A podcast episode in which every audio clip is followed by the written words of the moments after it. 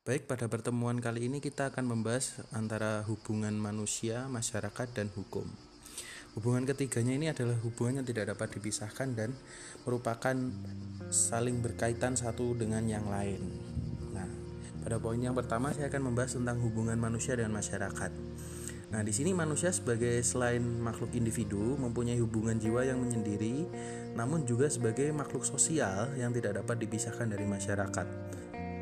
Manusia lahir, hidup, dan berkembang dan meninggal dunia di dalam masyarakat dan itu menurut Aristoteles bahwa manusia itu adalah zoon politikon. Artinya bahwa manusia itu sebagai makhluk pada dasarnya selalu ingin bergaul dan berkumpul dengan sesama manusia lainnya. Jadi makhluk yang suka bermasyarakat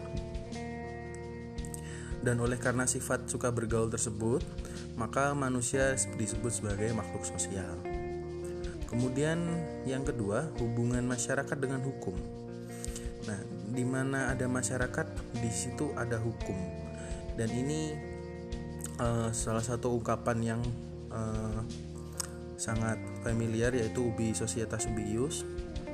Dan hukum itu ada sejak masyarakat itu ada Dapat dipahami di sini bahwa hukum itu sesungguhnya adalah produk otentik dari masyarakat itu sendiri yang merupakan kristalisasi dari naluri, perasaan, kesadaran, sikap, perilaku, kebiasaan, adat, nilai atau budaya yang hidup di masyarakat. Bagaimana corak dan warna hukum yang dikehendaki untuk mengatur seluk-beluk kehidupan masyarakat yang bersangkutanlah yang menentukan sendiri.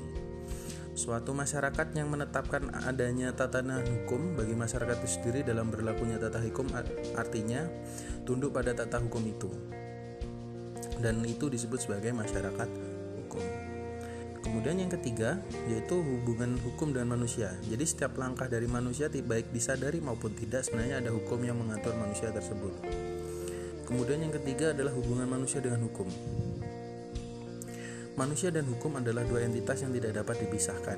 Bahkan dalam ilmu hukum terdapat adagium yang tadi sudah saya sebutkan yaitu societas bius bahwa dalam setiap pembentukan suatu bangunan struktural sosial yang bernama masyarakat, maka selalu akan dibutuhkan bahan yang bersifat sebagai semen perekat dalam tanda kutip atas berbagai komponen pembentuk dari masyarakat itu dan berfungsi sebagai perekat tersebut adalah hukum. Nah, masyarakat selalu berusaha untuk mewujudkan tatanan yang baik, mewujudkan hukum yang adil bagi masyarakat anggota masyarakat. Tapi hal itu akan sulit terwujud.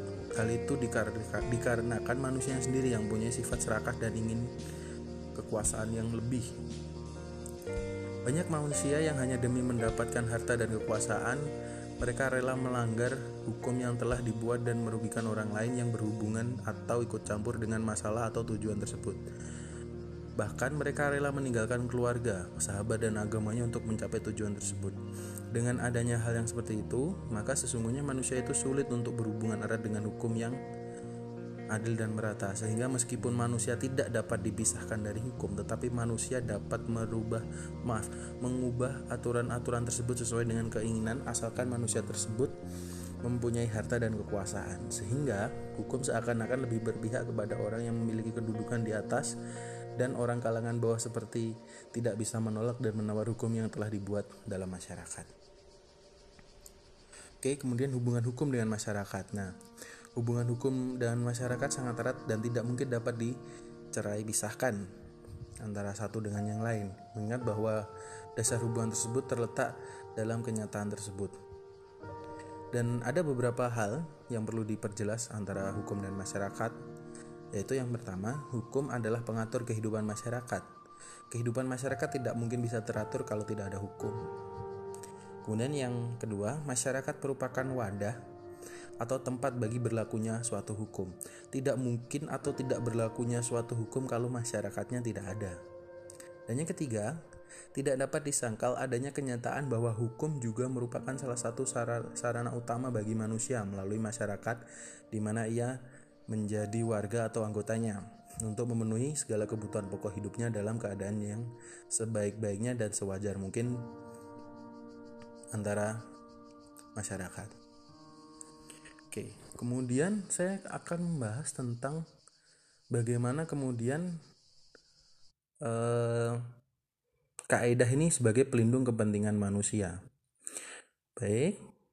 Nah, Menurut pandangan Rescue Pond, di dalam diri manusia itu terdapat berbagai kepentingan yang dapat diklasifikasikan menjadi tiga hal atau tiga bagian, yaitu pertama kepentingan umum atau public interest. Nah, sering disebut juga sebagai kepentingan yang utama. Biasanya menyangkut kepentingan negara dalam menjalankan fungsinya, sebagai contohnya itu.